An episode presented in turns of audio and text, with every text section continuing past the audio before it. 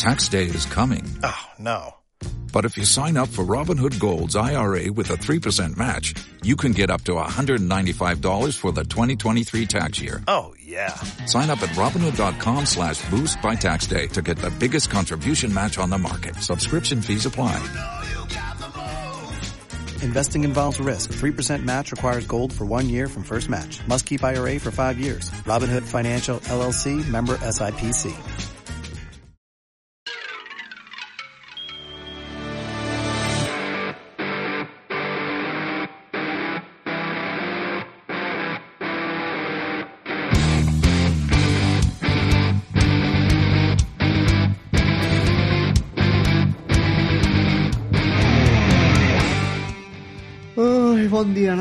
Benvinguts a aquest Hellfire.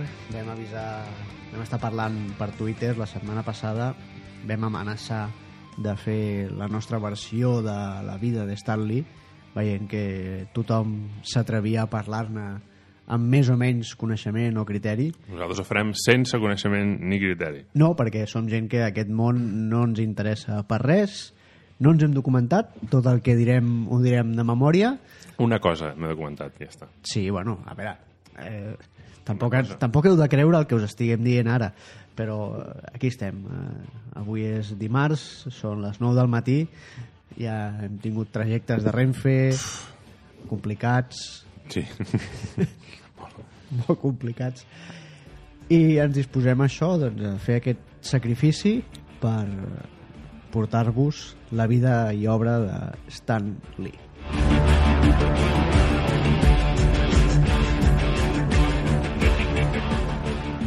Doncs, per on comencem? Pel principi? Al principi, Sí, principi, el primer dia. el primer dia va ser, i això és el que ens hem documentat, va ser un 28 de desembre Ah, que risa! Veus, va ser, la seva vida va ser una gran innocentada. Sí, sí, sí. Eh, ho podem de resumir així. Del 1922. Ha estat a punt, eh? A punt de Ha estat a punt de fer els 96. Molt, Hòstia. sí, sí. Això és aquelles coses que fan ràbia, eh? Home, a veure... Arriba un punt on ja És... l'esperança de vida és...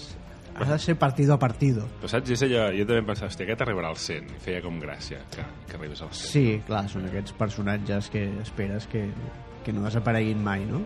Clar, I, era abans, Clar, ja hi era abans, de molt abans. clar, clar, és com Núñez o Pujol. Sí. Són dues, dues figures que, De que fet, hem més, tingut aquí. més, més gran que ells. Sí, home, evidentment. Bueno, quants, quants anys Núñez? No ho sé, però tampoc ho buscaré ara. Ho hauries de saber com a, com a barcelonista. Com a barcelonista, sí. sí, sí.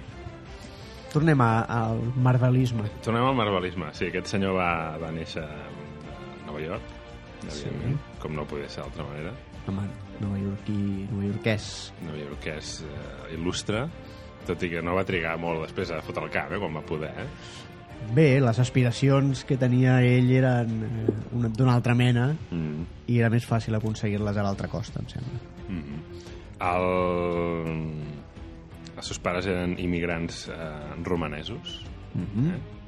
No farem acudits. No, no, no. No farem no, no, acudits. Uh, Per què no hauríem de fer? Mira, a veure, què, què estàs insinuant? no, no, tu mateix. Endavant. No, no, no. no. no, Et deixo no. la responsabilitat a tu. No veig la relació. Eh? Hi, ha- xistes molt fàcils de fer, eh? però va, ens, ens, ens d'allò. Uh, i, I res, i el tio, mm, el que té gràcia d'aquest home és que, diguéssim, pel, fet, pel que el coneixem, és per tot el que va començar a fer a partir de 38 anys. Sí, fins llavors... 38, em sembla, mira, l'edat que tinc jo. Mira, Estic doncs ja, ja pots començar. fer grans ja pots ara. començar. A mi ja se m'està passant l'arròs. Sí, sí. Doncs sí, és, és això, no? La, a partir de la segona meitat de la seva vida Mm -hmm. és quan ha aconseguit fer el... el... Bueno, encara no. Encara No, no, no. era la segona meitat. Bueno, ja, d'això se'n parlava fa uns anys. Ho, sem ho semblava. Ho semblava. però no, no era ni, ni la... O sigui, era el final de la primera meitat, no? Allò, podríem Va, dir-ho temps de descompte. Temps de descompte de la primera meitat, exactament. Però, però bé, ell va començar amb el tema dels còmics, o sigui, no en el tema d'escriure, tot i que sí, però va entrar Timely, Sí, de Timely Comics, la, la precursora pre-precursora de Marvel. Mhm. Després, si no recordo malament, va ser Atlas. Mhm. i després ja va ser Marvel. Bueno, és una cosa estranya. Atlas era com un Sí. subsegell, no sé què... Bueno, va, va canviar molts noms i jo m'estava llegint el llibre aquell de Marvel Comics i, hòstia, Mhm. el pitjor un lío. Sí, fins que no s'estableix Marvel i comencen seriosament amb els personatges que crea Lee, Mhm. no, no arrenca allò definitivament. A veure, va tenir una època, evidentment, potent, que quan hi havia... Bueno, quan publicaven Capitán Amèrica, Sí, evidentment, eh? És a dir, no, Ah, no, no és que vinguessin del no-res, de fet, també la- els còmics de l'antorxa humana original. bé, hi havia, hi havia personatges que han perdurat fins ara. Capitán Namor. Amèrica, Namor, sobretot. Mhm. Uh, bé, Bucky, que després Eh. s'ha convertit en Winter Soldier, però hi havia los invasores, hi havia una visió protovisió Mm. original, l'antorxa humana original també, hi havia precursors de Mercurio com el Zumbador, Mhm. hi havia Union Jack, que després també apareixerà en el Marvel actual. Sí, hi havia una quantitat de personatges que, que s'han anat mantenint. que ell aquí encara no tenia molt a veure, eh, ell, ell entra eh, allà perquè és, és cosí i nebot. Eh, vaig fer la pitjor un lío també mirant això, eh? És a dir, Bé, cosina Ell- Bot, no sabem, és... o sigui, A saber seus pares com eren. la seva cosina la seva cosina estava casada amb el Martin Goodman, que era el, el propietari, de, Propietari. de Timely Comics, no? Però, a més a més, la seva mare... Eh, el germà de la seva mare em sembla que també treballava alguna història així. O sigui, va entrar d'enxufe Per tot arreu. per tot arreu. Era una empresa familiar. Sí, bàsicament. No, no, ho era, ho era. Ho era, vull dir, qui, qui altres doncs, tenen un bar, doncs ells tenien... No, no, el senyor Goodman tenia, tenia molt de família allà, allà ficada i, de fet, el mateix germà de l'Stan Lee va, va, Mm-hmm. va acabar treballant allà i fent coses, eh? Fent coses. De fet, no es deia Stan Lee. No, Eh? Stanley Martin Lieber. Molt bé, sí senyor. Eh, Uh, ojo, eh? Que jo quan era, quan era més petit pensava Stan Lee, Bruce Ah, Lee, Bruce Lee, sí. Jim Lee... I, hòstia, Clar, són família són tots. Clar, i sabent que va començar així el tema de Timely, clar, els ha col·locat a tots aquí, Jim Sí, sí. Lee, Jael Lee, tots, tots són família. I, i després vaig anar que no, no, que el tio es deia Stanley, Stanley, i va fer el, el xiste, que després veus que no era, que no era asiàtic, no era xinès, No, era, no, no. I dius, ah, vale, no, no. Però durant un temps, quan era més petit, m'ho pensava. T'ho pensaves. Eh? Sí, sí. Però no, eh, de fet, si es va posar aquest, aquest uh, pseudònim, tot i que un pseudònim molt... Bé, diguem-ne que era un nom artístic. un nom artístic, era perquè ell volia ser novel·lista Uh -huh. i pensava que, bueno, això d'escriure còmics li podria perjudicar d'alguna una manera miqueta, clar. I va perjudicar molt eh, i va decidir firmar, inventar-se aquest pseudònim no? De fer novel·les, també escrivia poesia, sí, sí, no, no, el tio era... tenia una vessant literària amagada. va arribar a dibuixar Sí. Per sí, l'exèrcit. Ah, com el Capitán Amèrica. Sí, això mateix sí, sí. El, el tio, o sigui, quan, òbviament, quan va arribar la Segona Guerra Mundial que ell ja estava treballant en el tema Sí, sí, li Abans. enganxar de ple. i quan, quan va començar la, la Segona Guerra Mundial es va, es va allistar a l'exèrcit em sembla que no va anar mai enlloc es va quedar als Estats Units eh, fent, quan van saber que era escriptor fent propaganda Clar. feia manuals d'aquests per no agafar enfermetats de transmissió sexual pels soldats Clar, i acabava Excelsior. i històries així manuals xorres i es veu que allà dibuixava una mica fins Bueno, i tot clar. eh? i va ser la seva gran carrera com a, com a dibuixant no? i com a guionista bueno, va fer moltes coses abans de Sí, escrivia... Bé, de fet va començar, si no m'equivoco, corregint textos, eh, omplint globus així de poca importància, Buidant cendrers. buidant cendrers, obrint la porta sí, portant cafès... I estàvem doncs, amb el tema de, de llibres de, de, bueno, de llibres de còmics de Timely d'altres gèneres. Mm. -hmm. Romàntic... Eh... Millie the Model això, Hòstia, sí, sí. això ho va fer ell durant molt de temps no? Sí, clar, és que abans de, de que arribessin els superherois eh, aquella gent feia altres coses. Patsy Walker Sí, Patsy Walker, que després eh, la reaprofitarien. com tot. Això és una, una constant a l'univers eh, diguéssim, Marvel d'anar reaprofitant i anar rescatant, perquè era una manera també de, de no tenir problemes de drets amb ningú, No, no, clar. que ja n'hi va haver bastants. Eh? Bé, però com comença tot? Com, perquè la vida de Stan Lee està guai, però volem parlar de, Sí. de quan arriba el moment important. Quan arriba el moment, ell volia plegar. Sí, ell estava fart de- d'escriure de, aquest tipus de, de còmics i, i ho anava a deixar perquè no, no aconseguia col·locar el tipus de còmic que ell volia fer, no? De fet, que posant, posant en context una mica, hi, hi havia... Després de la Segona Guerra Mundial, els superherois van anar de capa caiguda. Tot i que n'hi havia, no n'hi havia tants amb capa, eh? Però, bueno, alguns. Uh, I va començar tot el tema del terror, de, de les històries de, de, de, de crims, no sé què. I llavors és com va començar tota aquella persecució del Frederick Bertham, de Seduction of the Innocent i tot això, que això els va afectar. Els va, Home, afectar, clar, els va tot el afectar tema del còmic va quedar... perquè ho estava, estaven publicant aquest tipus de, de continguts, no? de, de terror i tot això. I bueno, diu que ell es veu, es veu que havia s'havia discutit més d'una vegada amb el senyor Frederick Bertham, eh? Però quan ja va passar tot això, més o menys, amb el Comic Codes Authority i tota aquesta història de no, no podeu posar zombis, eh? Mm. Aquestes merdes, eh, Bueno, semblava que sí, que ells, bueno, era el moment de que tornessin els superherois, no? Perquè ja les coses més escabroses ja no, ja no es podien vendre i era el moment de que tornessin els superherois. Però el tio estava fent els collons. Sí, no, i- i DC ho estava fent bé. Ho estava fent bé, però més havia passat una altra cosa. Stan Lee havia hagut de fer fora... Eh, la, o sigui, primer, als anys 40 va fer fora eh, tots els col·laboradors de Timely i a finals dels, dels 50 a tothom. A Sí, tothom. quedava ell sol. Quedava ell sol a la redacció. Ja està. Ningú Déu-n'hi-do. més. Sí, sí, així, eh? Vull dir que per ell va ser, clar, va ser molt dur i llavors estava això fins als collons i volia deixar-ho. I la seva dona Sí, la Joani, li va dir... Què li va dir? abans de deixar-ho, fes el que tu et vindria de gust fer i si has de marxar després marxa si no funciona. Vull dir, si et foten al carrer... Et pots fotre al carrer, però com a mínim tu hauràs fet el que volies. Ah, exactament. I, però bueno, recordem que eh, això, DC ho estava patant bastant amb, Amb la Liga de la Justícia. Justícia, Batman, Superman, Wonder Woman, Linterna Verde, tota aquesta gent que ja coneixeu, i amb ell una mica li van demanar doncs, fer alguna cosa que pogués competir amb, amb això. Uh -huh.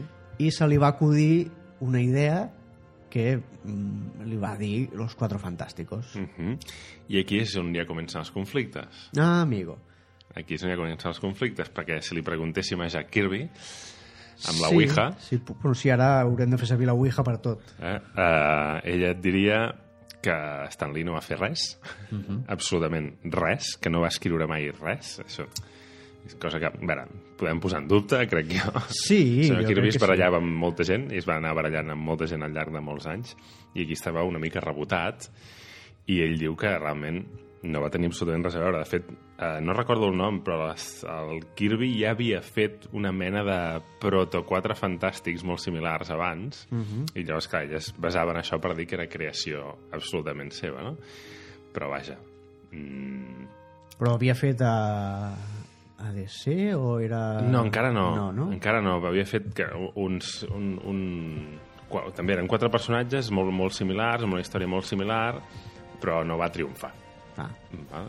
I llavors, a saber per què. Jo, eh, clar, clar, perquè molta gent sempre ha dit que precisament Kirby eh, algunes coses a nivell de, de, de guió, de diàlegs, era una mica...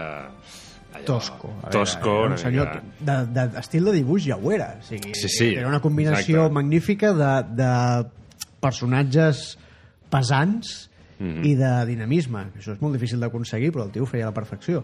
Però, clar, eh, els Quatre Fantàstics va ser una combinació de les dues coses. De l'art de Kirby I uns diàlegs. i de l'art de Stan Lee per, per construir aquests diàlegs i aquests personatges. Eh, Llavors aquí entrem amb el sistema Marvel. Sí, que aquí és el que porta tot el, el problema i tots els conflictes Exacte. amb Kirby, amb Ditko i amb la majoria de dibuixants amb qui va treballar.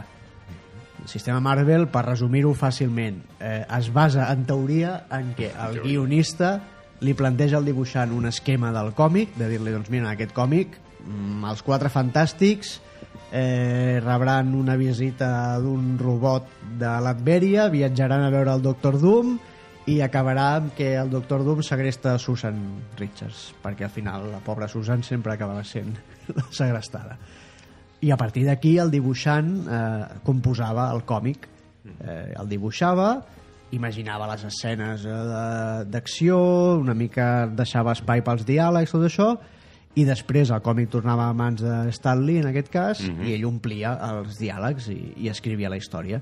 Amb aquells diàlegs tan pomposos i grandiloquents que al final el que feien era el segell de Stan Lee. I que fàcilment, i ho sento, eh, fàcil- fàcilment identifiques com a seus, perquè Sí, sí, sí. tu, tu llegeixes com ha escrit ell, coses que evidentment saps que ha escrit ell, i el sentit de l'humor i tot això, i dius, home, és bastant evident És que era, que era cosa seva.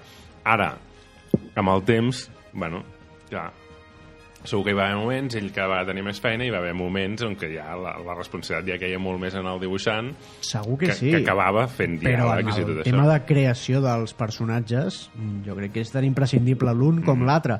Sobretot perquè Stan Lee aporta una cosa que fins ara no, no s'havia vist en el món dels superherois, que és, eh, igual que teníem Superman i a vegades hi havia Clark Kent, que era una disfressa de Superman, Mhm. Stan Lee el que fa és crear-te els personatges humans Mhm. i després ens interessarà les seves aventures i els seus poders. Els hi dona poders, no? Clar. És, és, no és gent amb poders que... No, els que es fa dona. passar per persona i tot això.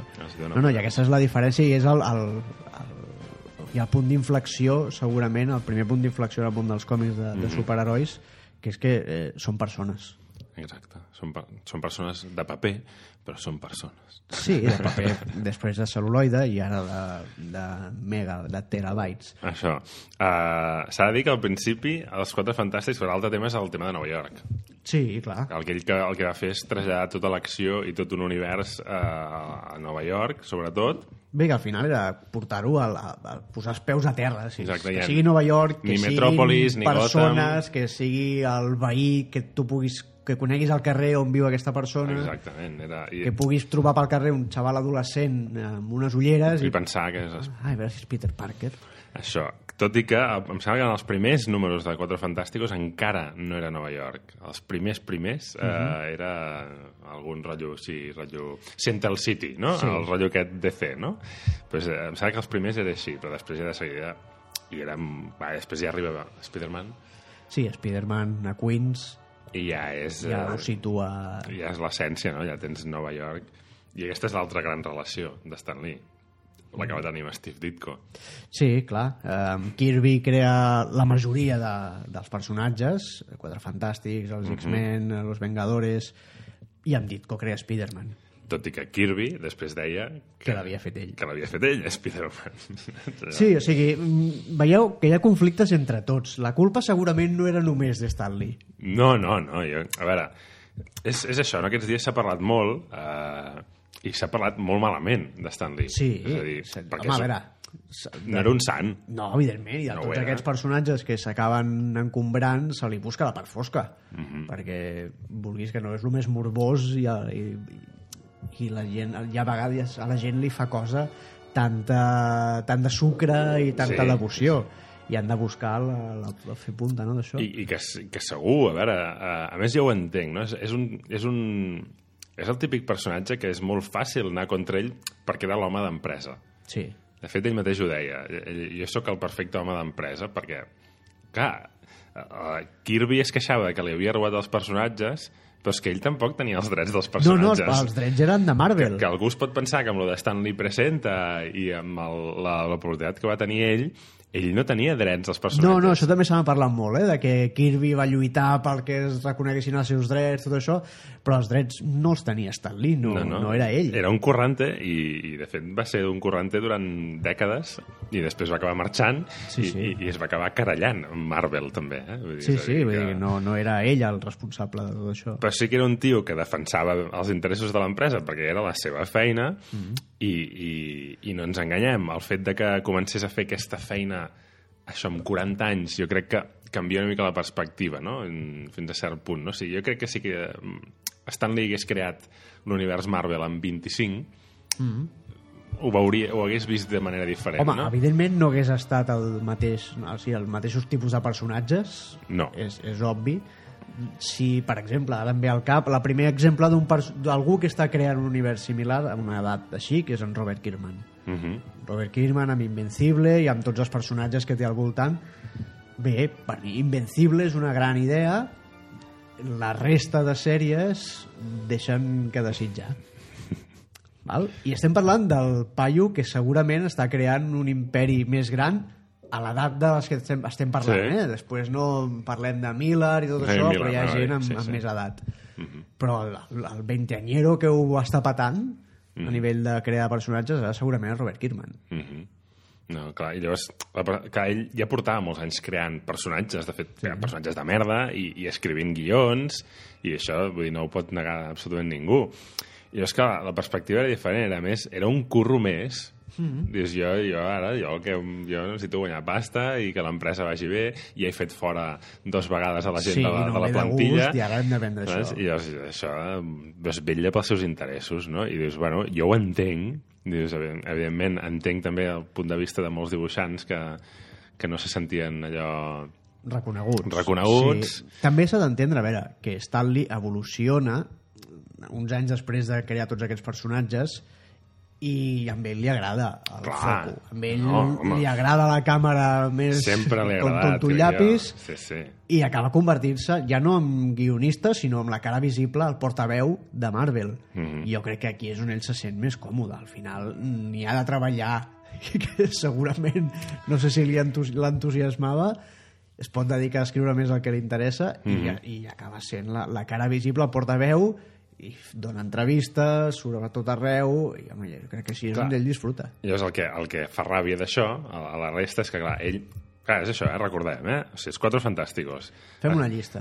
X-Men, uh, Spider-Man... Spider-Man, els- bueno, els- Thor, Hulk, Thor, Hulk, tot el que venia a ser Iron els Man, Vengadores al el- principi. Els Vengadores i, i més personatges... Sí, eh, clar, eh, Daredevil, Pantera Negra, Silver Surfer, tots els personatges que acaben apareixent eh, Aquells primers el- anys. La, la segona dècada dels 60, tot i que els Quatre Fantàsticos són del 61, Mhm. però el pes, o sigui, A partir del 60. a partir del sí. 60 Spider-Man és 63. 3, com els X-Men, Mhm. els Vengadores també, i a partir d'aquí, el, el 64, em sembla que entra Pantera Negra i ja comença a desenvolupar.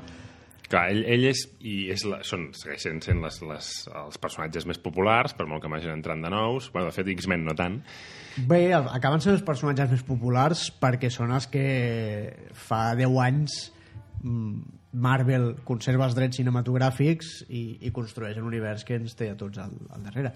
Recordem també, Groot és creació de Stanley prèvia a, als Quatre Fantàstics. Mhm. Quan estàvem parlant de còmics de ciència-ficció i de terror, Sí, Groot ja sortia apareix allà. prèviament. Sortia allà. Eh, Això, eh, d'anar... que Reciclant, que encara sí, ho fa sí. mà. O sigui, mira, dinosaurio diabólico, no? Dinosaurio és una cosa que s'ha no, no, i recuperat. Patsy ara. Walker, que dèiem al principi que va regenerar, que va ser en Gata Infernal, i la tenim a la sèrie de Jessica Jones. Clar, llavors, ell, eh, sempre, el de sempre, eh, tu vas llegint els, els llibres sobre l'època i sobre ell i tot això, i vas veient que sempre hi havia aquesta sensació que el món del còmic s'anava a la merda i que no duraria mai. Mm. Que és una cosa que sents sempre. O sigui, sempre ho vas, al llarg Sí, de les sí. dècades sempre ho vas sentint el mateix, no?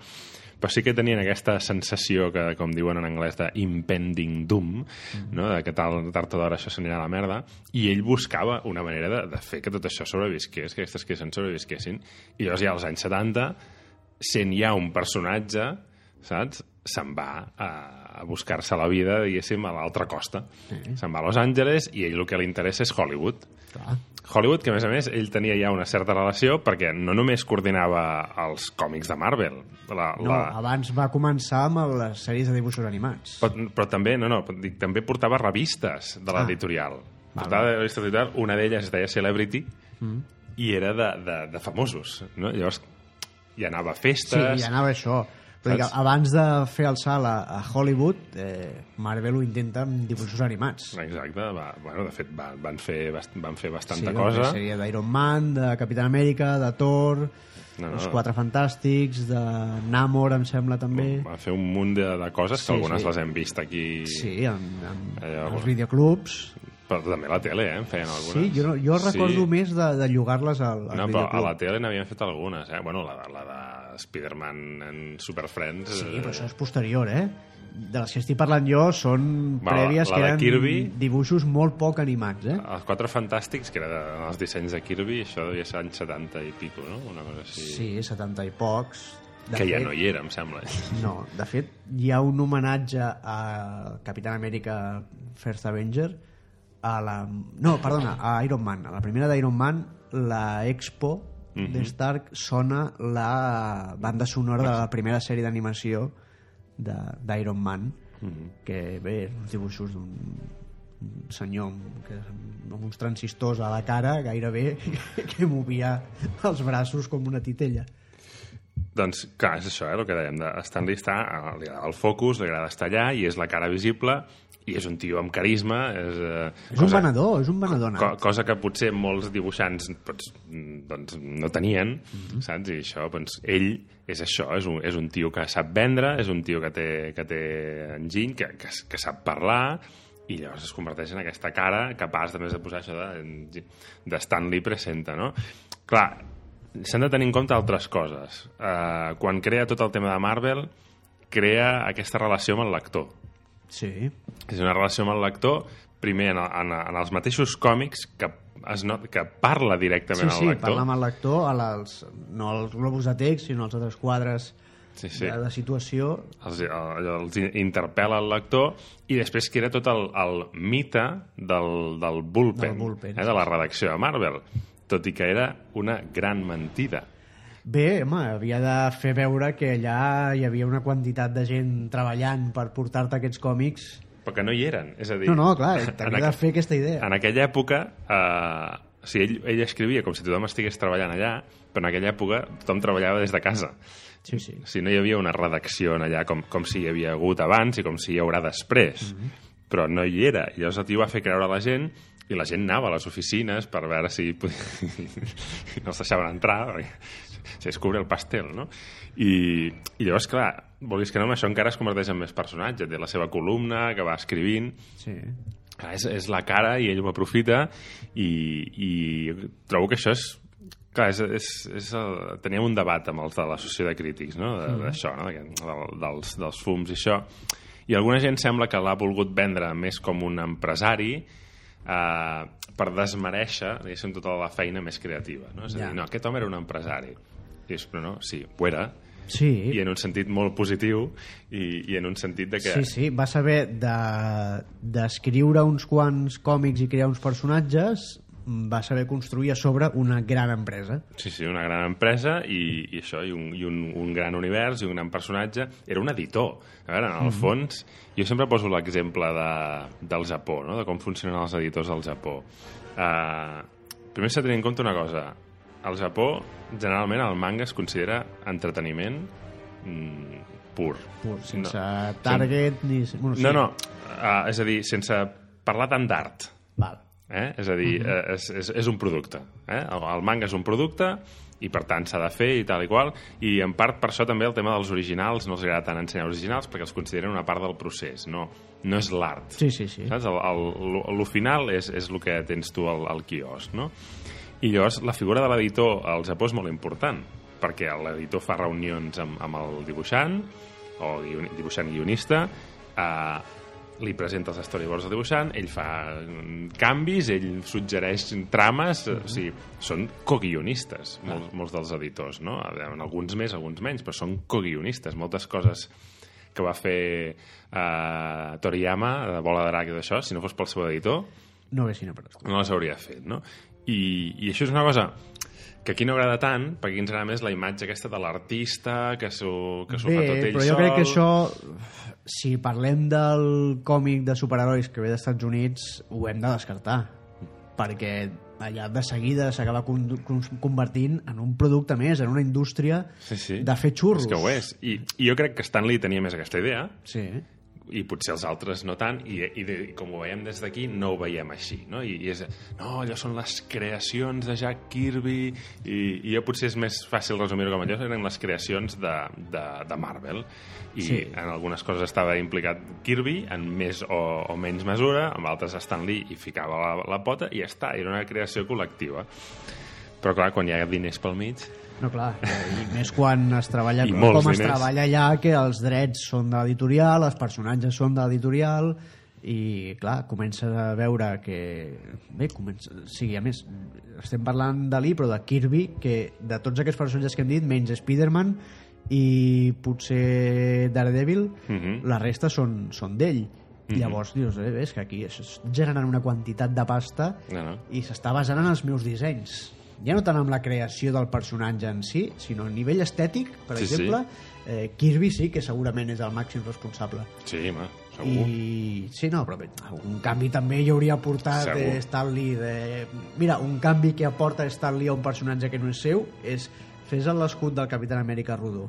Mhm. Això és idea de Stan Lee, tot i que el personatge era molt, Bueno, molt de, previ. de fet, Stan Lee va escriure una història uh, o sigui, per, pel Capitán Amèrica abans de Marvel, que era de text, Sí, amb sí, dues sí. il·lustracions, i allà per primera vegada surt lo de que llença l'escut. Llença l'escut, també és idea seva. Sí, Sí, això va ser idea seva. Dius, home, una cosa tan, tan important i és idea seva, no? Vull dir que, bueno, mm, no sé, clar, és això, és, un, és una feina col·lectiva, no? I, i Sí, això... doncs això, quan veus que comencen a moure's tants calés, dius, hòstia, doncs potser...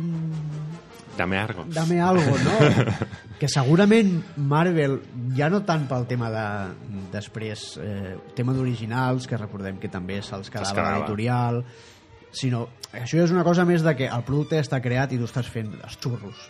Mhm. Però el tio que s'ha inventat la massa dels xurros, potser que sí que li hauries d'haver reconegut una mica més, no?, la, la recepta. Sí, sí, no, no, això per descomptat, eh? I que, que Stan Lee es va aprofitar de la feina dels altres, també, També, i que no clar. sempre va reconèixer els mèrits eh, que havia de reconèixer. De fet, tu mires la biografia que tinc jo escrita per ell, i clar, dius, home, aquí estàs obviant a molta gent, eh, que, que eh, quan vaig sí. crear els Quatre Fantàstics, i bueno, ja, els vas crear, però quan els vau crear, i de fet ara ja, ja s'està, i és una cosa molt estàndard, de posar Stan Lee com a co-creador, és una cosa que ja està molt extesa, sí. no? Com, no com a el creador de, però com a co-creador, no?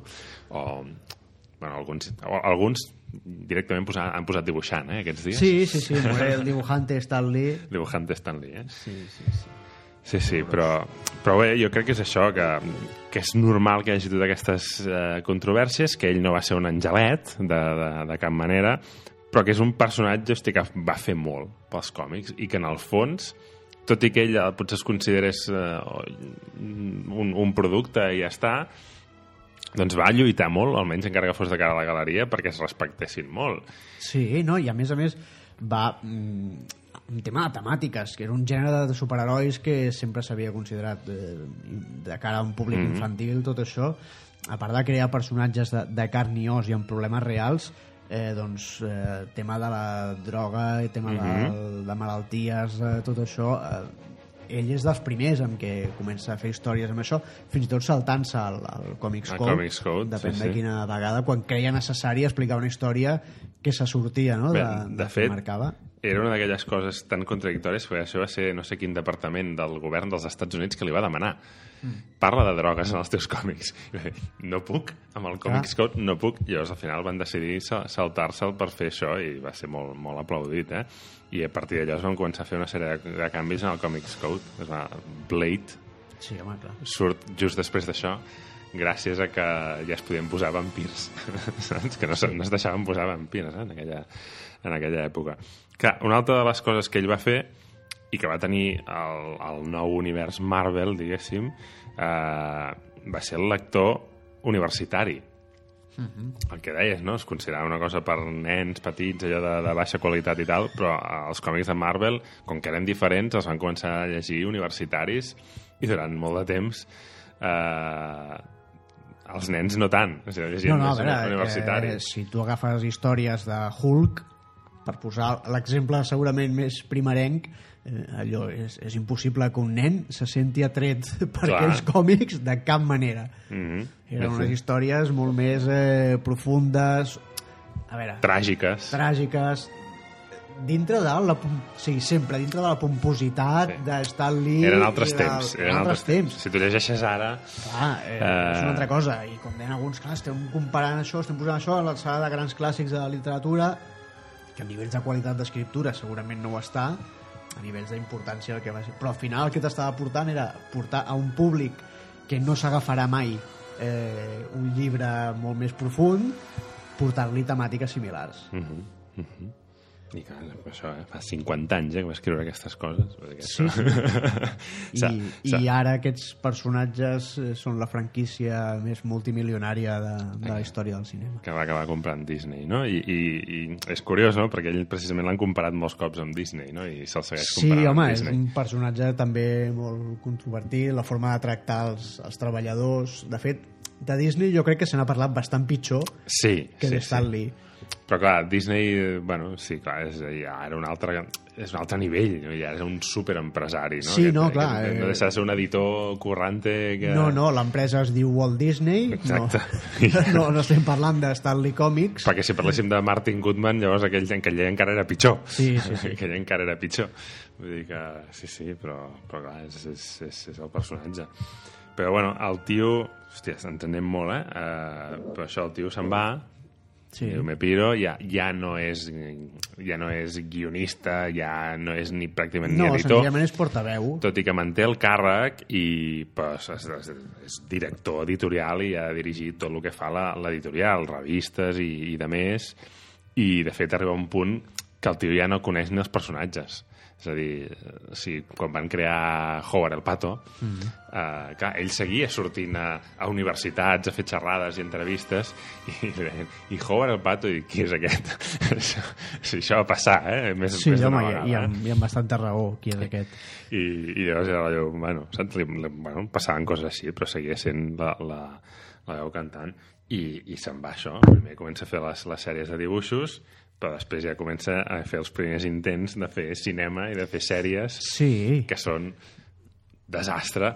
Bueno, Hulk encara. Sí, jo crec que Hulk segurament és el que recordem de l'època que més èxit va, va tenir i, i per, bé, primer aquí perquè la teníem a la tele, Mhm. teníem la massa amb el doctor David Banner no sé per què Ah, sí? Sí, no. es va adaptar en lloc de Bruce Banner se li va posar que després es va convertir en el, en el nom del mig el personatge de còmic va acabar-se dient Bruce, Bruce David Banner. David Banner perquè quadrés una miqueta no? no i allò que a la tele se li deia David Banner també però vam canviar l'origen perquè era una mica difícil de recrear una bomba atòmica segurament Ja, el Llavors- pressupost era el que era. Eh? no, i també estava ambientat en una altra època o sigui, els personatges als anys 60 neixen bàs bàsicament d'accidents radioactius perquè era el terror que, Sí, sí. que existia a aquella època Pànico nuclear. Clar, després als anys 70 doncs, hi, ha, hi ha altres tipus de, de por. Eh, si no me'n recordo malament, Hulk eh, li estan fent uns rayos X, no? Una,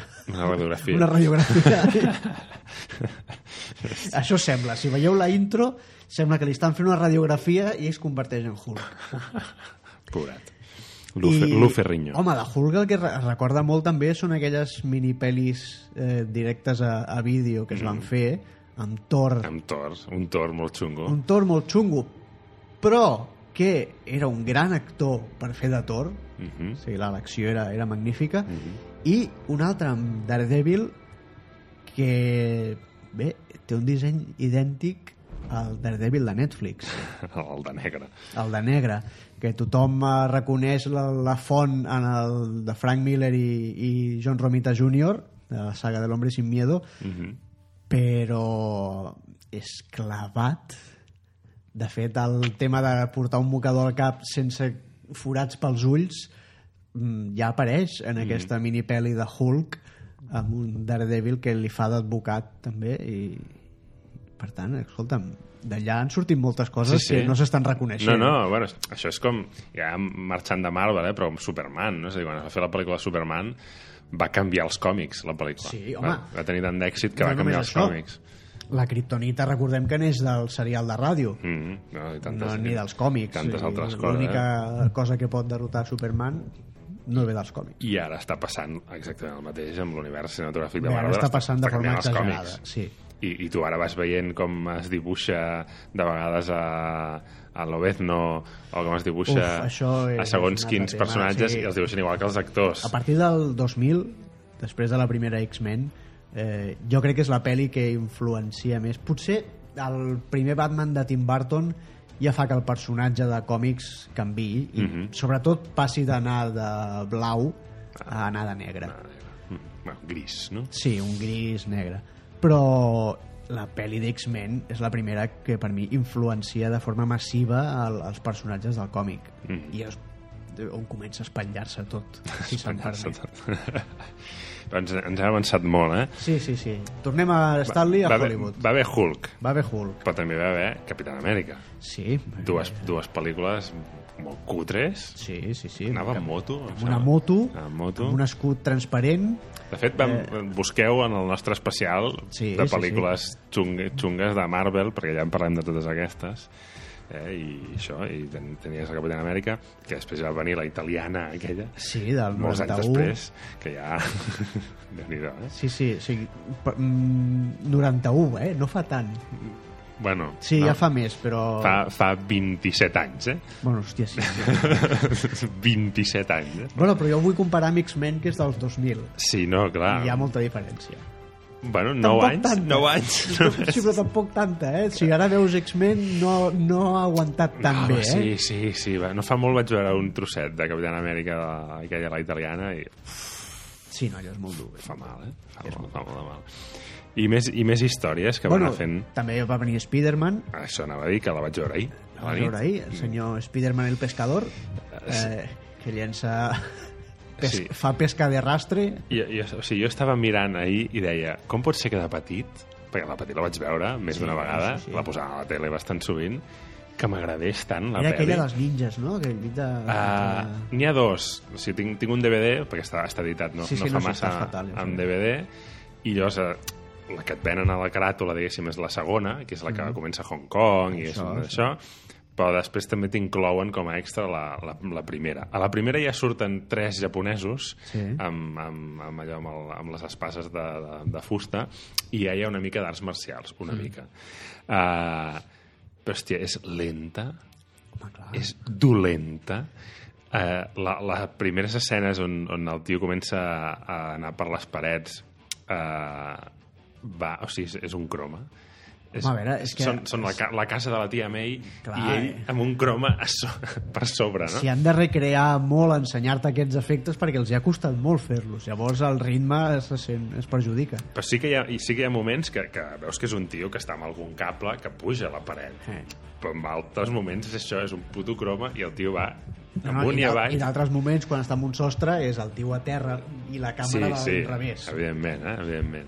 I és, és horrorosa, és horrorosa. Però, hòstia, a mi, a mi em va flipar de petit. Va Bé, flipar. era el, el, els primers intents que va fer d'expandir l'univers del còmic i va veure que segurament la televisió i el cinema li donarien més calés Va ser un visionari. el còmic, sí, bé, ell ho va intentar i, i se'n va anar a Hollywood per, per aconseguir-ho i de fet eh, bé, després de tots aquests fracassos entre cometes mm, no trigaria molt, bueno, sí, a principis dels 90 però apareix la pel·li de Blade Mm -hmm.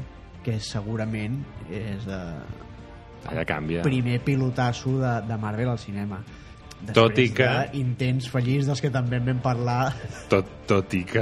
Eh, sigui, no, la gent, evidentment, no identifica mai Blade amb Marvel. no, no, no Saps? Ho has de saber. Ho has de saber, perquè si no, no en tens ni idea que, no, no que és un personatge obscur de... I, i ja ho hem dit moltes vegades aquí eh, Pantera Negra, el primer superhéroe negro mira Blade Mhm, Deadpool, la primera peli para mayores de, de super... mira Blade mhm.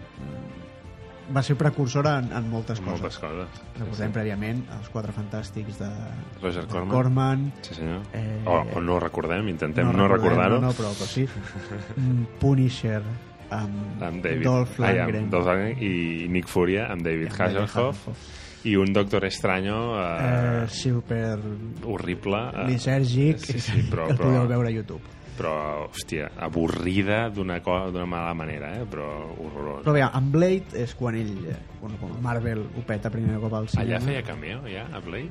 no Diré que recordo, no, em sembla que no jo crec que el primer el convencen per fer el primer amb X-Men Mm, que l'altre dia ho explicava eh, el Kevin Smith va fer un programa especial del, del seu podcast fent una vetlla de, de Stan Lee i un dels que parlava era el productor Mm. d'aquestes primeres d'X-Men i explicava com el van convèncer per fer el cameo i no volia fer-ho no volia aparèixer, tot i que doncs se'n parla d'aquest Lee, tal, no sé què, no volia viatjar a on havien de, de rodar la pel·li per fer el, el cameo. Llavors van aprofitar que hi havia unes escenes que rodaven a Califòrnia en una platja, que era quan el senador Kelly surt de l'aigua mig transformat mm. en aquella mena de mutant, i li van dir, escolta, mira, que gravarem a prop de, de casa, De casa teva. teva. Vine, i ah, llavors es va acostar i va fer aquell primer cameo a la platja.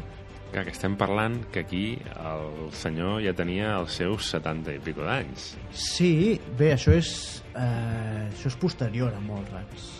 Sí, molt Sí. rats és 94. Clar, Mallrats segurament és el... ja no cameo, sinó... Per, per mi Mallrats és, és quan realment a veure, Stan Lee, evidentment, és aquell nom, en castellà, mm. i més o menys saps qui és, però que jo vaig veure Mallrats, això, amb 14 o 15 anys, mm. no? I dius, conyo, mira'l, és aquest. És aquest. És aquest. Li poses cara... Li poses sobretot cara. aquí, no? Allà ja havies... Als Estats Units has vist entrevistes i tot això. Ten- Tens el nom, tens el nom, tens un personatge que no saps mm, ben bé què fa, en el fons, perquè els còmics que estàs llegint aleshores ja, ja molts no dels apareix, guions ja no són seus, no? Tens aquella entradeta de Mr. Fantástico, el hombre que tal, no sé què, la cosa, Stan Lee presenta los cuatro fantásticos. Va. Exactament. Però, clar, era jo a l'època de John Byrne, saps? I, de... I, I Claremont era el Exacte. guionista per excel·lència.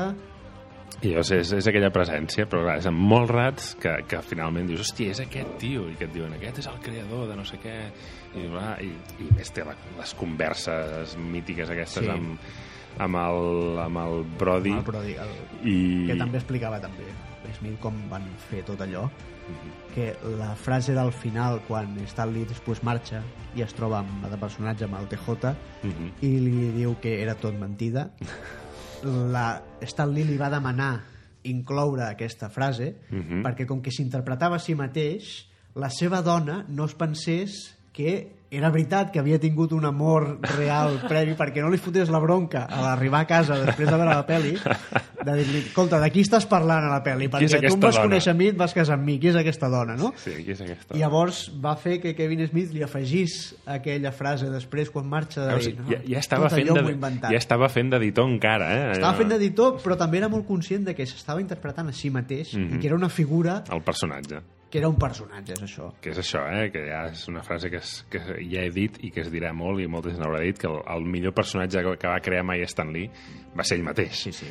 saps? I, i, i sense cap mena de dubte i, i bueno, ha acabat apareixent en, en còmics ell mateix no? I, i aquí jo crec que és això no? que és aquest punt de, de per unes noves generacions no? el personatge que alguns no havien viscut a l'època del bullpen i tot Clar. això aquí el, el, el reconeixem i comença una nova, una segona vida Sí, una segona etapa de, de, de mediàtica. i molt entranyable i Sí. molt, molt entranyable perquè hi ha l'abuelete aquest que, per cert, que després, dos, tres anys després de Molrats és quan va a Barcelona. Sí. Eh? Jo, jo no vaig anar al saló, em Jo, sembla, aquell any. jo vaig tenir contacte físic amb ell. Vas tenir contacte físic, Sí. hòstia. Sí, sí. Qui- Eh, Quina mena de Quina mena contacte, de contacte físic. físic? doncs és molt fàcil. Eh, jo tindria 20 o 20 anys, segurament, Mm. i Stan Lee ve al Saló del Còmic de, de Barcelona, jo estic estudiant a l'Escola Josso, i evidentment ens passem el Saló del Còmic és la festa major i Sí, sí. ens passem el, els quatre dies allà al Saló i estaven fent la volta del saló al mateix temps que a Stan Lee li estan ensenyant les exposicions i tot això hi ha molta gent i jo noto que algú m'aparta per passar, em posa la mà a l'esquena i deje passar no?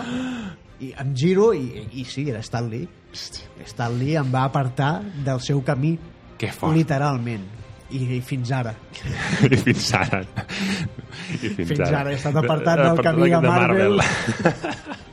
ell mateix em va marcar va dir, Ah, tu va marcar. fuera T'hauries d'estar emprenyat tu també amb Stan Lee, llavors, no? no, perquè m'ha donat molt més del que m'ha tret Això. Doncs mira, clar, ara s'han vist, s'ha recuperat un vídeo de, de televisió espanyola. jo ho tinc en vídeo, això Ah, sí? Bé, passa que és un VHS i el conserva un antic company meu de, Hòstia, de classe, de buscar. el Manu, que és qui va gravar tot allò. O sigui, va ser un saló molt entranyable, primer perquè era el saló més important que anàvem des de que estàvem a la Josso, i, i però clar, a més a més, hi ha la imatge de Stan Lee, Clar, clar. le ha tocado, està gravat en vídeo, le ha tocado, le ha tocado, i un diu huele a viejo. Hosti, això ho hem de veure. Això Ho he de, ho veure. he de buscar, ho he de recuperar. Que a més, per allà hi trobaràs el Jordi Sánchez Navarro. Jordi Sánchez Navarro, que apareix a les fotos A les de fotos, sí, sí, Lee el vídeo que s'ha vist ara aquests dies també, no? que anava per allà, que era, que era director de, del De saló, saló. en aquella època, no? I, i no, no, I després d'això vaig fer la cua perquè signés Mm. i tinc l'Orígenes Marvel de- d'X-Men Mm-hmm. signat per Stan Lee. doncs, i, però és que és això, eh? tu veus les imatges i era un vell. Era un vell, sí, sí. Va venir aquí el 98, clar, ell tenia, eh, tenia 76 anys quan va venir a Barcelona. Sí, sí. 76 anys. I havia sortit a molts rats amb 73, 74 o una cosa així, no? Sí, sí. I comença a sortir a les pel·lis de, de Marvel amb 77. El 2000, sí, sí, 77. 77, 78 anys, no? Hòstia, sí. I, Comença la seva història al món del cinema. però clar, és això, no? Si el tio comença la seva història potent, la seva gran història, ja n'havia fet abans, però amb, amb gairebé 40 anys, a, a Marvel, Sí, sí. la seva carrera cinematogràfica com a Els- els icona del 70 cine, llargs. als, als quasi 80 anys. I, i clar, al, al principi jo entenc que els primers cameos, la gent que no en tenia ni idea de qui era i d'això, Sí, no sabia. no devia entendre res, però al final es converteix en aquesta figura que apareix sempre. No? Sí. Hi ha alguna gent que deu veure totes les pel·lis i no en té ni idea, i bueno, el viejo este El que, viejo aparece siempre... que sale en totes les putes pel·lis, no? I, i sí, sí, no, no, aquest, aquest senyor surt de les putes pel·lis i amb 90 anys No i, només a les seves, també perquè uh, fa dos dies vaig veure Teen Titans, Teen Titans Go. Go i apareix fent un cameo Imagina't. sí, sí, de la distinguida competència. Sí, sí, imagina't, de DC. Però a més el tio també ha fet cameos en animes. Sí, Bueno, a part de Big Hero 6, sí home, evidentment. però que allò això també és, és, sota el segell això Marvel. ser del segell de Marvel, però hi ha un anime que es diu Hero Man, que Mm. ell també va estar implicat amb el tema del guió, i el tio també té una d'aquestes converses Stan Lee a la, a la barra d'un bar Clar. amb el, amb el protagonista, no? I, i bueno, molts més cameos que, que ha anat fent. Home, per mi el, el cameo més celebrat a nivell de continuïtat de còmic és, si no recordo Guardians, malament, els Guardians de la Galàxia 2 Mhm. quan està conversant amb els vigilants que, Sí, és aquest. És que clar, Sí, ja... hi ha el camp... A veure, la majoria de cameos són Stan Lee fent alguna cosa mundana, Mhm. però si no recordo malament, Guardians de la Galàxia 2 apareixen los vigilantes, que són aquesta raça alienígena de l'univers Marvel que es dediquen a observar Ah, sí, sí, sí, sí. sí. tot l'univers Sí, sí, sí. i a documentar tot el que passa i n'hi ha, si no recordo malament, tres i Stan Lee els hi està fotent la xapa Mhm. com venint a dir de que eh, sí, vosaltres documenteu tot el que passa a l'univers però jo us ho explico Que, perquè estigui a tot arreu. Sí, perquè Stan Lee és un vigilante. Mhm. És un vigilante i que pot estar al multiverso, diguéssim, als diferents universos eh, d'això. I, I, de fet, em va agradar És la molt... constante. És la constante. Sí, em va agradar molt, això ja ho vaig dir a la família Monger l'altre dia, el, la notícia del Mundo Today, Sí. no? que s'ha mort, uh, s'ha mort l'Stan Lee del, Del nostre nostre univers, univers. no? del 616, Sí, sí, no? sí. I que probablement hi ha molts altres Stan Lees que són els que faran els cameos a les properes pel·lis, que diuen que n'ha deixat gravats uns quants. Sí, a veure, la Vengadores 4 està confirmat que s'havia Capitana gravat. Marvel també. Capitana Marvel, però això, això que n'ha n'ha deixat gravats uns quants més. Allò... I segurament és com aquells vídeos que hi havia, no sé si... No recordo va, qui els va fer, si no sé si va ser Jean-Claude Van Damme, que es va gravar uns vídeos davant d'un croma fent poses perquè després la gent els pogués aprofitar. Jo crec que han agafat Stan Lee, l'han posat davant d'un croma i li han dit, camine, senyala, tal, no sé què. Sí, sí, fes I au, ja tenim cameos Sí, per tota fins la a vida. la fase 6. A veure, no sé, a veure, si, si, si, si la família, els hereus hi estan d'acord, pues que el vagin traient. Eh, Pot sortir d'altres maneres. Vull dir, Sí, no, i tant. No. Uh, recordem que les sèries de Netflix, els cameos, uh, són a base de cartells. Mm, mm -hmm. I això pot, pot seguir fent. Ja pots, ara ja pots fins i tot fer servir cartells d'abans de, dels 40 i, la gent, i aquest tio qui és, no? Bé, eh, un dels cameos, si parlem d'abans dels, d'abans dels 40, eh, que farà és Spider-Man, perquè no sé si has vist les fotos de Stan Lee quan tenia 20 anys, entre els 20 i els 30, és Tom Holland. Sí? És clavat a. Tom Holland. És a dir, eh, jo crec que el càsting de, de Holland com a Peter Parker hi ha una part de l'haver-lo buscat perquè són clavadets, clavadets. Que aquí les, les fotos que tinc a la seva biografia passem de niño de 3 anys a 20 i pico, eh? Sí, no, però corria l'altre dia per les, per les xarxes aquesta foto i, i són clavats. Bueno, a veure, eh, estem mirant la foto, eh? Això que queda també a la ràdio, eh? I, bueno, Bé, ja, puc, puc veure la forma de la cara. ja les penjarem a les, a les xarxes. La forma de la cara la, la puc veure, la puc veure, sí, sí. Ves, ves, ves xerrant que jo estic buscant. a Eh, veure és, si- no, és si veritat, la ara que ho dius sí, potser sí que l'he vist, eh, aquesta, aquesta foto. Però bueno, uh, clar, Stan Lee és Marvel, val? Això, això ho tenim clar, però com anàvem apuntant ara amb, amb això, no? que ha fet cameos amb, amb, a animes, però després, eh, quan ja no està a Marvel, quan ja comença a fundar les seves empreses Mhm. i diferents històries, comença a fer molta, molta més feina. Sí senyor, sí senyor. La, la, la foto ja, ja la penjarem Està bé xarxa. la, la foto, sí, no, no, és, és un... És el, el Holland de, de grande, eh? De, de major. Uh, doncs, doncs comença a fer moltes altres coses, moltes altres activitats Sí, diversifica. relacionades amb, amb el fet dels superherois, evidentment. Eh?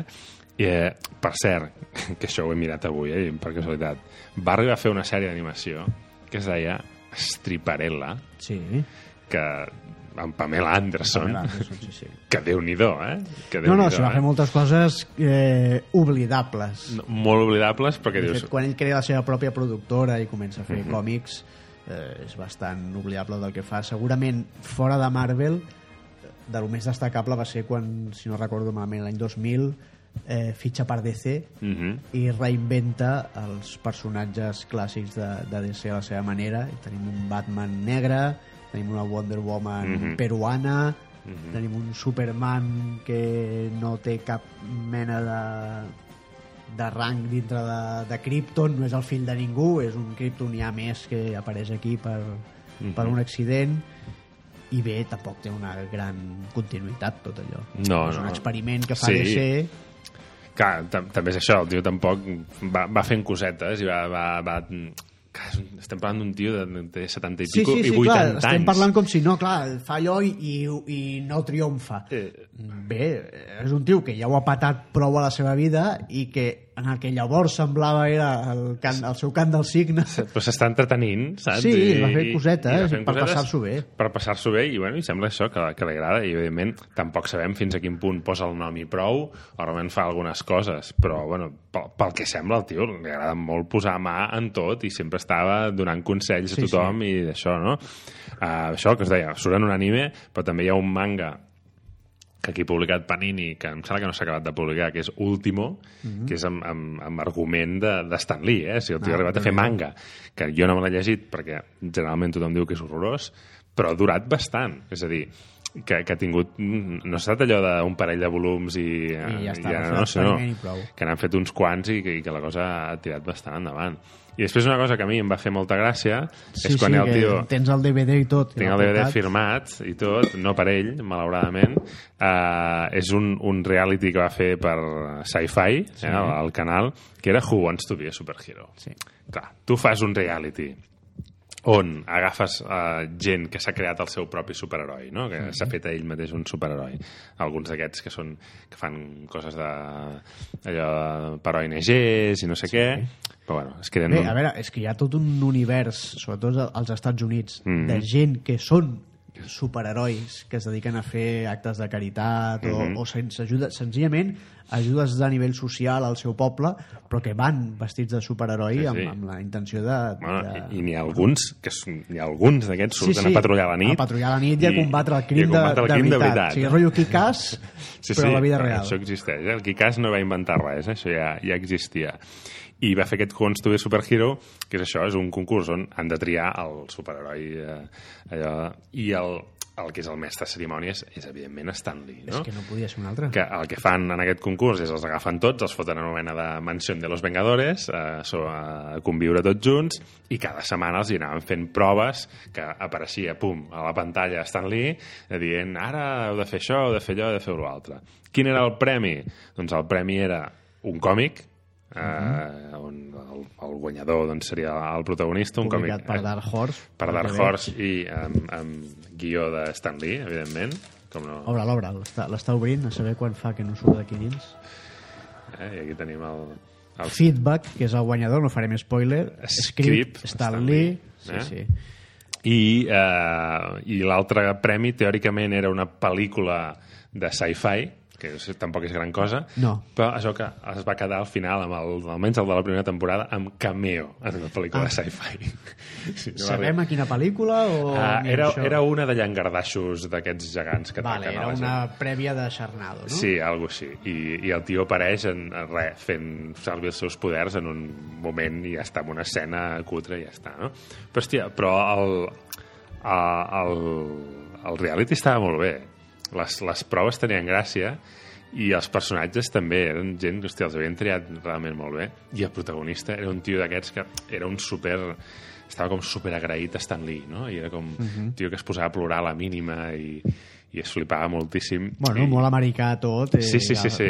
Però clar- que té un, hi ha un context aquí. però, però autèntic, no? El tio era un tio així que havia passat malament a la vida i que els còmics l'havien ajudat molt i no sé què, no sé quantos, i per això s'havia quedat el seu superheroi, no?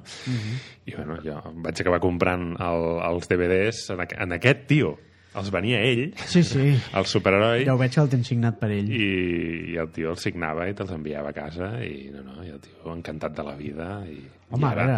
l'he tornat a buscar a internet i ja no, ja no hi ha ni rastre d'ell eh? Abandonat, ha deixat sí, de ser... ha deixat de ser superheroi ja. sí, sí però bueno en fi, uh, coses que va fer eh? Sí, a partir d'aquí doncs van apareixent eh, bueno, fent els cameos seus habituals, altres programes de la mateixa temàtica, de Comic Book Man... Comic Book Man, no, res, no recordo si hi ha King of the Nerds. King of the Nerds, jo diria que sí no? Crec que sí que sortir. apareixia. Eh, hauria, si no, si no va sortir hauria Sí, si no va sortit. sortir la van cagar. La van cagar, però jo, jo diria que sí, eh? perquè va sortir tothom allà. I, i bé, i després, bueno, els últims anys, no? si ja d'allò ja és uh, d'aquests de, de lo típic de, de, de rumors i d'històries que van començar a sortir, de gent que es comença a aprofitar d'ell, Sí. de que el tio ja està gran. De fet, vaig llegir no fa massa una entrevista que el tio, però ja fa anys, eh, amb les primeres pel·lícules de Marvel, i que ja no les podia veure, que ja no hi veia bé. Hmm. O sigui, el tio ja, de fet, els seus cameos i tot això, pràcticament ja no els podia veure. No, no, eh, clar, evidentment, eh, té Perquè- problemes de salut, ha estat mm, senyor major con achaques, Sí, sí. i, i bé, recordem que fa, no fa ni un any es va morir la, la seva dona Mhm. que, bé, si, si recordem que és qui li va dir eh, Sí, sí, fes no, el que no, vulguis fes-ho, amb això dels. Quatre Fantàstics o et fotran al camp igualment però vull dir que eh, eh, portaven més de 50 anys casats Mhm. No, no, i tant. eh, tant que s'havia dit que era un mujeriego, depredador sexual, totes aquestes coses que es van dir El, ara. el Hugh Hefner del Ah, sí. còmic, eh? eh Doncs bé, hi ha, hi ha una part que, que diu que, que no era així, Mhm. que és més un mite que s'ha creat que no, que no la realitat, eh, i, i que la mort de la seva dona segurament eh, ha influït en que i ja, això- pues mira, a tomar por culo todo, no? Això, això sol passar. De fet, la seva dona va ser una mica el, el patró, segons diuen, també amb el que es van crear les primeres dones de Marvel, com Susan Storm i d'això. I És que la dona era model, era model, era rosseta, molt guapa i tot això, i dius, bueno, si veus a Susan Storm allà fàcilment, eh? Sí, a Gwen Stacy, Gwen Stacy, Gwen Stacy també, de- evidentment, sí, sí. Per cert, que lo de Gwen Stacy no va ser cosa seva, eh? Lo de matar... matar-la. Se, uh, No, segurament. Se, se'n va enterar a posteriori i va ser com... Que què? que heu fet què? Saps? Vull dir que... Clar, heu matat a la meva dona, Sí, cabrons. sí, sí. Eh? Però clar, era...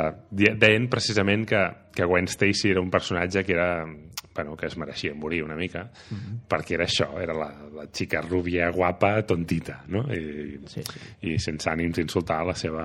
A la seva dona, que podia viure l'esperit de Susan Storm Això mateix, tranquil·lament. tranquil·lament eh? però, però sí. I després van començar a sorgir aquests, aquestes històries de que el van denunciar per, per assetjament sexual Sí. a un home de 90 i pico d'anys que amb, de mobilitat reduïda i que amb prou feines hi veia, Sí. o sigui que anàvem a les ulleres de sol ja totalment negres, que no, que no se'ls veien els ulls, perquè que és que diu que ja no hi, que és que ja, ja no hi guipava. Dius, clar, hi ha històries d'aquestes que dius, bueno, jo, sincerament, ja... No, no. Bé, és el que dèiem, el voler aprofitar-se Ah, una mica de, querelles del a, a personatges que ja eren superpopulars, ara encara ho era més. O sigui, és un tio que amb 90 anys es, Era està mi- més popular que mai. més popular que mai a la seva vida, no? Sí, sí. I és allò... Bueno, és anar aprofitant-se, també coses que deien que la seva filla s'estava aprofitant també de la seva pasta i, i d'ell. Mm. Una mica desastrós al, al final de la, de la seva vida, no? Però, però bueno, és un personatge com pocs hi ha.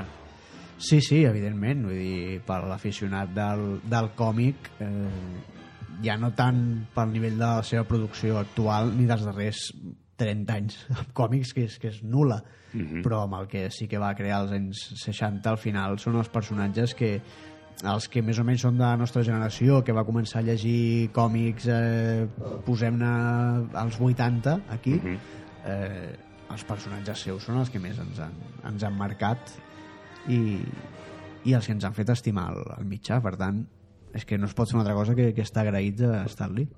Totalment. Uh, Excelsior. I, I jo crec que això, ara, ara amb, el, amb la mort recent, doncs és allò, no? Gent que l'únic que farà és dir coses bones, gent que l'únic que farà és dir coses dolentes. Sí, evidentment. Uh, però crec que ara s'haurà de fer un d'allò i dir a veure quina ha estat la seva, la seva, la seva contribució a tot plegat, no? I, i per exemple, tornant una mica al que dèiem abans de, del públic universitari, per bé o per mal, eh, el, el fet de que, de que es portessin els còmics de superherois a un públic més gran ha fet que el, el mitjà evolucionés eh, eh, es, es creessin eh, diguéssim ja el, que el, el gènere dels superherois ja és una cosa ja per un públic adult pràcticament Sí, i, i que l'evolució generacional d'això és el fet de que, eh, és el que dèiem, aquí vam començar a llegir còmics als anys 80, hi ha molta gent que es va enganxar als còmics als anys 80, que va l'evolució... O sigui, ell va introduir el fet de que els superherois fossin humans. Després altres ho han fet evolucionar d'altres formes, com Frank Miller sobretot, i altres guionistes que han deixat també la seva petjada, però aquelles generacions són les que avui en dia estan manegant el cotarro, i els que, eh, si aquests personatges no haguessin marcat tant aquestes generacions, ara segurament ni es coneixerien, perquè No. són les que estan fent tot el producte audiovisual que està aguantant la indústria, perquè desenganyem-nos. Eh, la indústria del còmic segueix aquest pending doom, eh, està aquí i, i s'aguanta pel, bé, pels èxits cinematogràfics, per la indústria del videojoc Mhm. i tots aquests personatges acabaran visquent així. sí, sí, sí. Bueno, de fet ell mateix Sí, sí, que surt, clar, el, que surt, el, surt el videojoc de Spider-Man 4 Sí, sí. falta el, I el el seu camí ai, de Spider-Man 4 de, de Spider-Man, de la Play 4 Sí, sí. surt, surt I ell per allà de Lego. i de Lego però vull dir, és això, no? És, és, és tot el que ha arribat a fer i, i ja no només és l'impacte de Marvel, és l'impacte de DC. És a dir, eh, s'ha- s'han anat eh, és re, que ell també forma part d'aquesta competència. Ell descobreix que la competència amb DC eh, no, els vol portar més que beneficis a tots dos.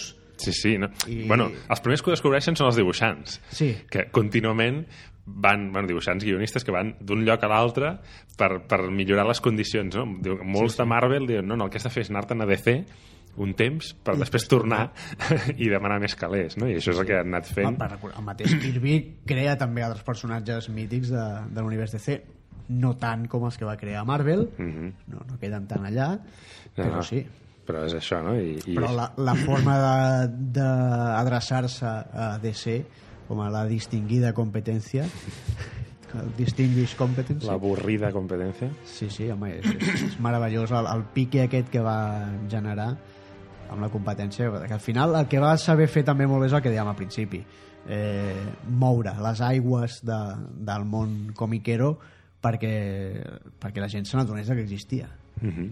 Mm -hmm. Què més que això podem què més que demanar? això? No sé eh, després d'estar Lee que hi ha? Qui, qui queda? Perquè al final també és una persona que en els darrers anys, a part dels cameos eh, jo crec que el que ha fet és vendre amb entusiasme als còmics. Sí, sí, això... això. És el que ha fet, sí, tota la vida però tota clar, la vida, però en els últims 20 anys... clar, s'ha vist molt més.